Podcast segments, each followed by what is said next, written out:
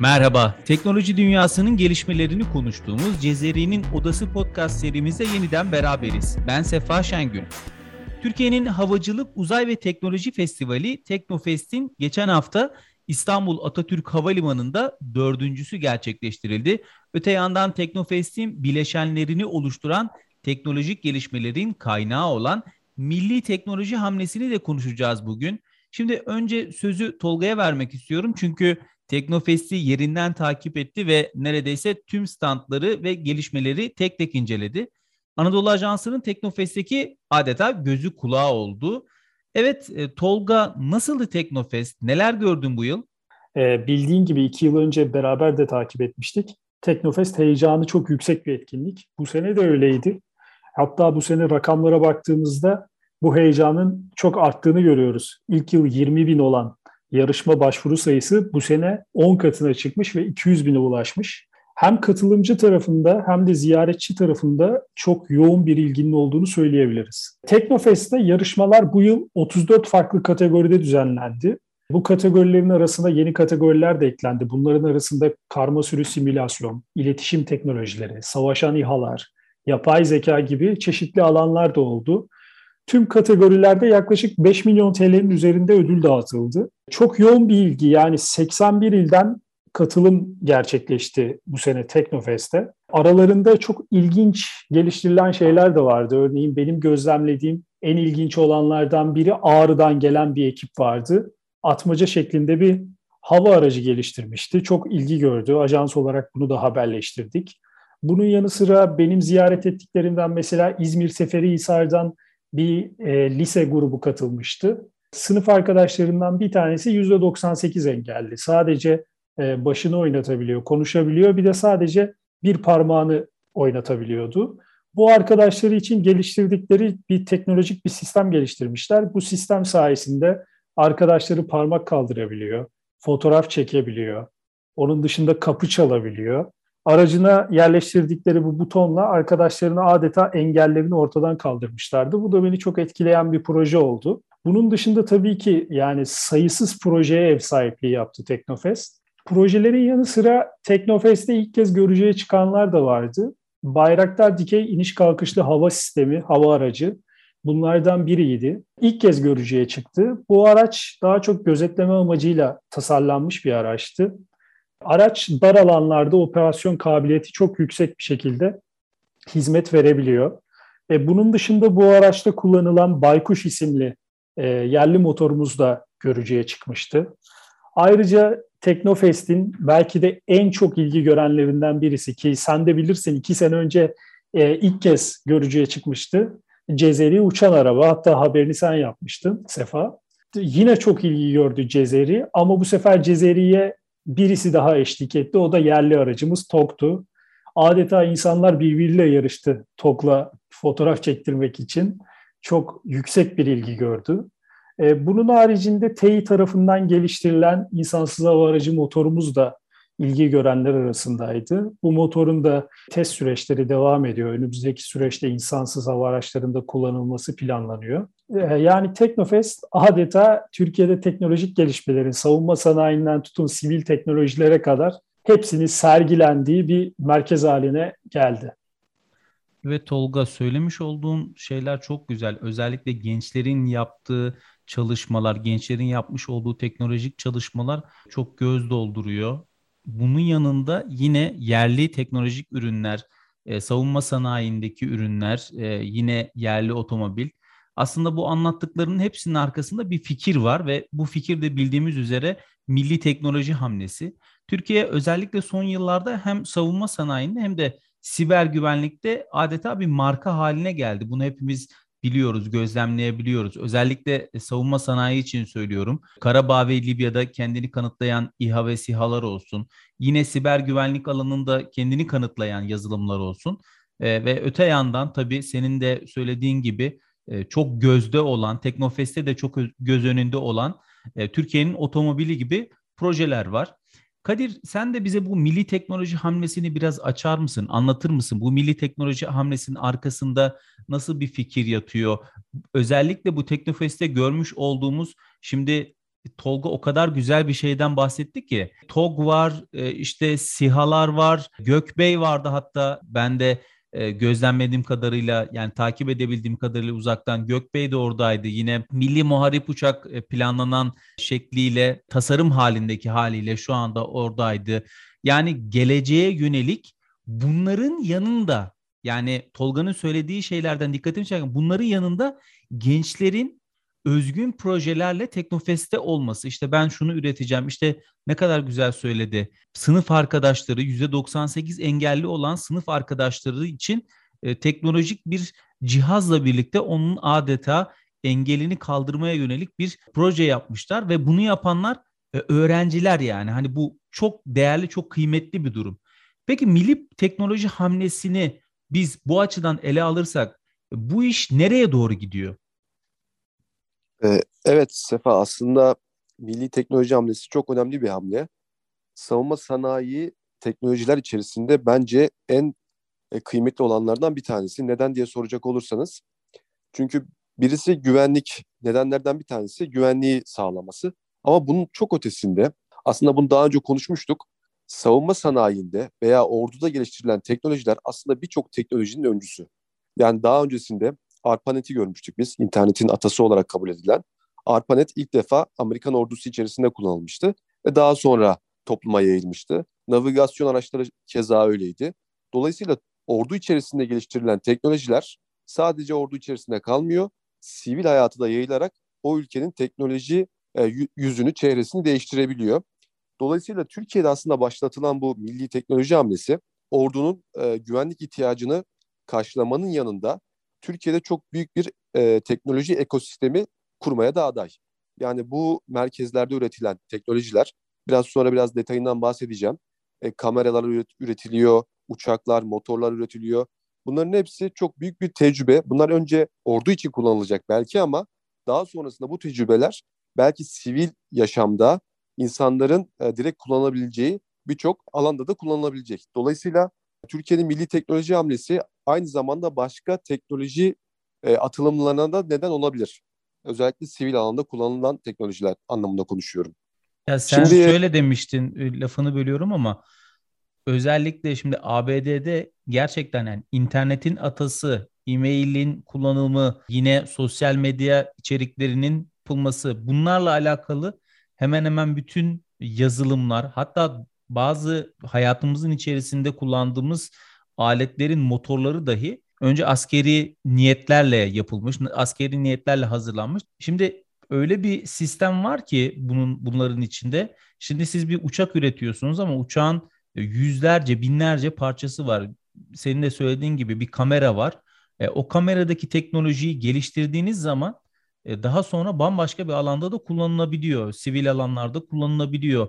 Hayatın içerisinde kullanılabiliyor. Belki bir cep telefonu için mükemmel bir kamera özelliği olacak. Orada işte yerli bir ürün çıkacak ve orada işte o yerli kamera sistemi kullanılacak. Bunun gibi. Kesinlikle yani senin de bahsettiğin gibi buradan çok büyük bir ekosistem ortaya çıkabilir. Kameralar cep telefonlarına geçebilir. Motorlar belki araçlara geçebilir. Oradan kazanılan tecrübeler çok büyük bir ekosistem kurup savunmayla başlayan bu hareket, milli teknoloji hamlesi birçok alana yayılabilir. Bahsettiğin gibi. Zaten Türkiye son 15 yılda yaklaşık %20'lerde olan yerlilik oranını %70'lere kadar çıkarmış durumda. Bahsettiğimiz teknolojilerle beraber.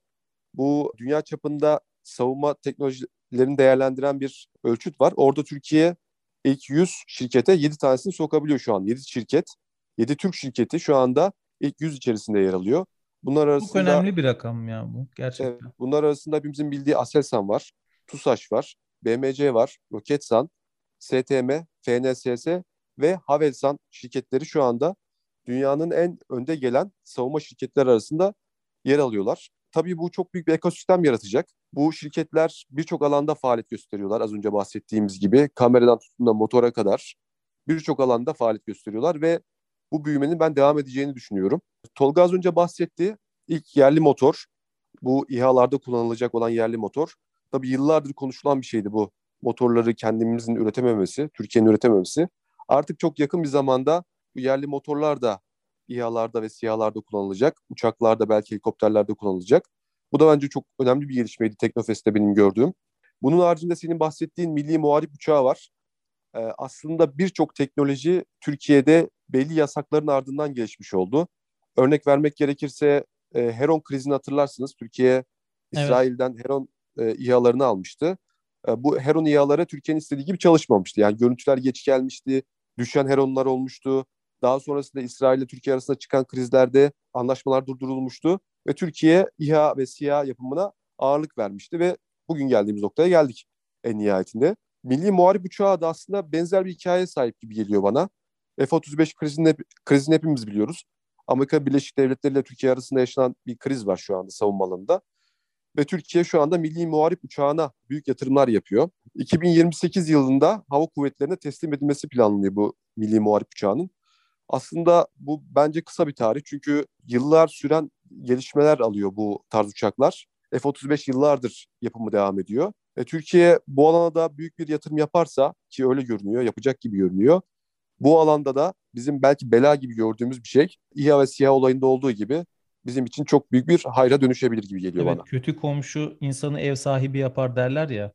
Kesinlikle. Yani bu bu mesele Türkiye'nin teknoloji gelişiminde e, bir ön adım olmuştu ama şu anda milli teknoloji hamlesiyle aslında hani biz o tarz teknoloji transferlerinde yaşayacağımız herhangi bir anlaşmazlığı dahi beklemeden artık biz kendi ihtiyacımız olan hatta kendi ihtiyacımızın da üstünde ihraç edebileceğimiz çok ciddi manada bir teknoloji üretimi için bir seferberlik başlamış oldu aslında milli teknoloji hamlesiyle ama bizim hani seninle daha önce de konuşmuştuk bu konuyu birebir de.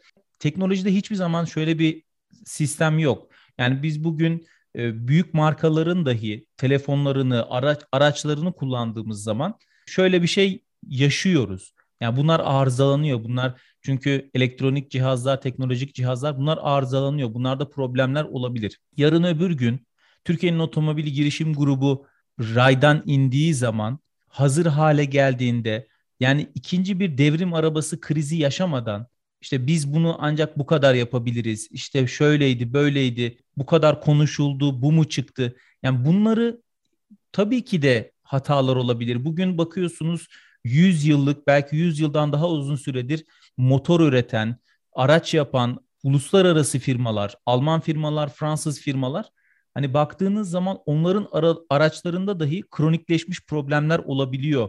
Bazı araçlar oluyor, sanayiden çıkmıyor.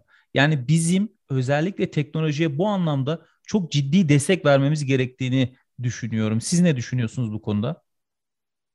Ben şöyle düşünüyorum. Çok önemli bir nokta bu bahsettiğin. Bence iki tane büyük yanılgı var bu alanlarda. Bir tanesi yüzde yüz e, ürünü kendimiz üretmek zorunda değiliz bence. Bahsettiğim firmaların birçoğu, Alman olsun, Fransız olsun e, firmaların birçoğu bazı ürünlerini ba- başka yerlerden alıyor. Başka yerlerde monte ettirebiliyor. Bu birinci yanılgı bence. Toplu iğnesine kadar her şeyini bence biz yapmak zorunda değiliz. Temel aksamı ile ilgili ve tasarımı ile ilgili bize ait olduğu zaman e, bir ürün, o ürün bence bizimdir. İkinci söylediğin çok daha önemli bence. Boston Dynamics biliyorsunuz robotlar üreten bir firma. E, ilk robotlarına bakın. Düşüyorlar, yürüyemiyorlar. Doğru düzgün hiçbir işi yapamıyorlar ilk robotları.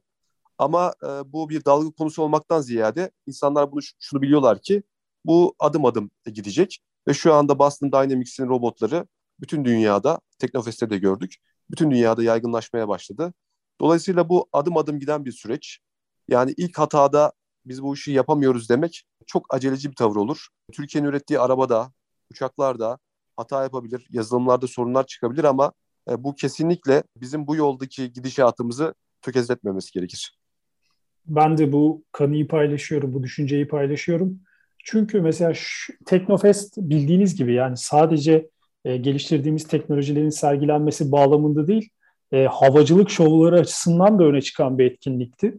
Bu sene ilk defa hem insanlı hem de insansız hava araçları birlikte gösteri yaptılar. Bu gösteriyi kıymetli kılan bir şey de önceden sorunlar ortaya çıkaran bu havacılık projelerinin başarıya ulaşmış olmasıydı. Bildiğiniz gibi yani teknolojiler hiçbir zaman üretildiği andan sonuna kadar sorunsuz bir şekilde ilerleyemiyorlar. Önlerine engeller çıkıyor. Bazen çalışmayabiliyorlar. Bazen çeşitli sorunlar ortaya çıkabiliyor. Ama mesela Teknofest'e baktığımız zaman Gökbey'den ATA, Bayraktar TB2'den Hürkuş'a yerli araçlarımız gökyüzünde şovlarını yaptılar ve insanlar bunları hayranlıkla seyretti. E bu da gösteriyor ki teknolojiyi geliştirme sürecinde biraz daha nasıl söylenebilir? Biraz daha e, kredi vermemiz gerekiyor hem şirketlere hem de insanlara.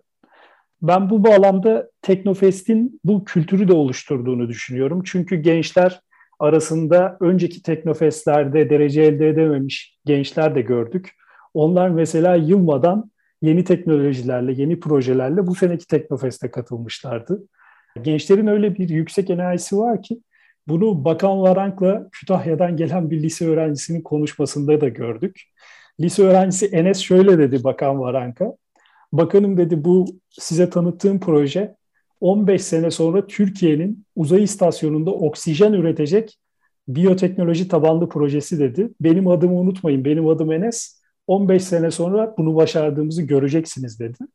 Bu cümleler aslında Türkiye'de Teknofest'le ve milli teknoloji hamlesiyle oluşan bir bilincin tezahürüydü bana göre. Sen ben, şimdi bunu söylerken benim tüylerim diken diken oldu. Gerçekten hani böyle bir hedefi koyması yani bir lise öğrencisi değil mi? Evet, evet lise ya öğrencisi. Böyle bir hedefi koyması ve bunun üzerine gideceğini yani garantisini vermesi aslında yani bizim ülkemizdeki bütün gençlerin özellikle şunu çok iyi idrak etmesi lazım.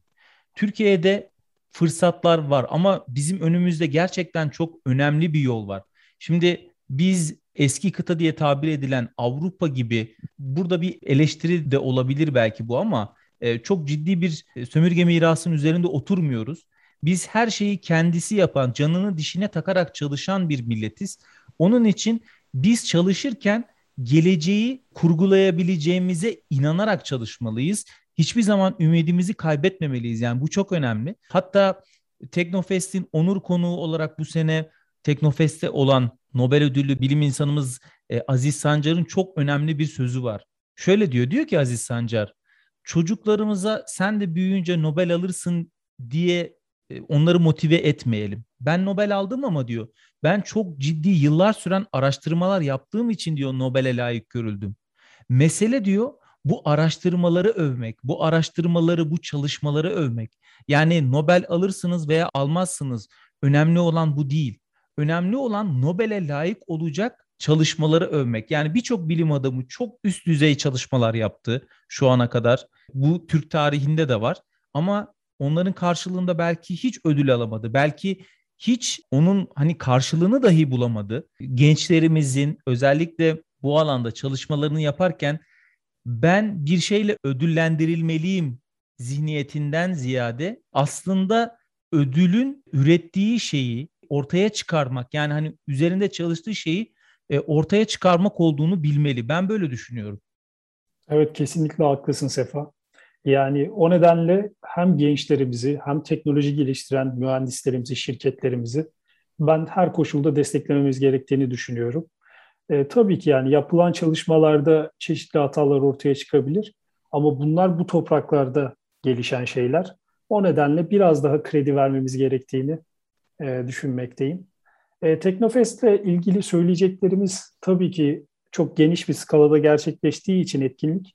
Et söyleyeceklerimiz de biraz uzuyor. Bana göre Teknofest'in en önemli etkinliklerinden birisi de Take Off Uluslararası Girişim Zirvesi. Bu etkinlik neden önemli diyeceksiniz? Çünkü burada e, belli bir noktaya gelmiş olan girişimler bu zirvede yarışıyorlar ve bu zirvede ilk üçe giren girişimler çeşitli ödüllerle destekleniyor ve mentorluk desteği veriliyor. Teknofest Yönetim Kurulu Başkanı Selçuk Bayraktar orada yaptığı konuşmada çeşitli bilgiler verdi. Önceki senelerdeki Uluslararası Girişim Zirvesi'nde ödül alan girişimlerden bazılarının e, yani çok ciddi cirolara ulaştığını ifade etti. Bu sene mesela bu zirveye baktığımızda ilk üçte birinci sırada Çekya'dan bir girişim yer aldı. İkinci sırada Pakistan'dan bir girişim yer aldı. Üçüncü sırada Türkiye'den bir girişim yer aldı. E, bu sonuçlar da gösteriyor ki artık Teknofest kabuğuna sığmayan bir etkinlik haline geliyor. Uluslararası hale geliyor. Bunun işaretlerini bu sene Selçuk Bayraktar da verdi. Azerbaycan'da ve çeşitli ülkelerde Teknofest'i düzenleme düşüncelerinin olduğunu söylediler. Bu da gösteriyor ki ürettiğimiz teknolojiler, yaptığımız etkinlikler kesinlikle bu topraklarla bağlı kalmıyor. Bu toprakların temas ettiği her yerde yankılanıyor. O nedenle teknolojik girişimlerimizi ve e, teknoloji geliştiren herkesi sonuna kadar desteklemeliyiz. E, ben de size ek olarak şunu söylemek isterim. Teknofest haricinde Türkiye biliyorsunuz teknolojiye yatırım yapıyor. Özellikle telefon şirketleri, dünyaca ünlü telefon şirketleri İstanbul ve çevresine gel- geliyor. Bilişim Vadisi kuruldu, teknoparklar kuruldu. Buradan çıkacak çok büyük bir ekosistem var aslında. Bu ekosistem bence adım adım tıpkı diğer e, bu işte başarılı olmuş ülkeler gibi adım adım e, büyük bir teknoloji ekosistemine ve büyük bir başarıya dönüşeceğine inanıyorum ben. Tolga'nın da bahsettiği gibi Teknofest olayında dünyadan nasıl insanlar şu an Türkiye'ye geliyorsa daha önce de başka ülkelere de gitmişti. Amerika Birleşik Devletleri bunun en güzel örneğidir. E, Silikon Vadisi'nde Amerikalılardan daha çok dünyanın farklı bölgelerinden gelen mühendisler vardır. E, Türkiye'de bunu bu merkezi konumunu hem coğrafi avantajıyla hem de teknolojiye yaptığı yatırımla bence sağlayabilir. Teknofest'i ve milli teknoloji hamlesini konuştuk bugün. Gerçekten güzel şeyler e, söylediler. Özellikle Tolga'nın yerindeki gözlemleri, Kadir'in anlatmış olduğu milli teknoloji hamlesinin önemi bizi Türkiye olarak e, inancımızı hiçbir zaman kaybetmeden gelecek yıllara umutla bakan bir e, gençliğe sahip olmak için neler yapmamız gerektiğini düşünmeliyiz. Yine aklıma geldi Tolga'nın söylediği e, Enes kardeşimiz gibi ben 15 yıl sonra şu teknolojiyi şurada üreten kişi olacağım.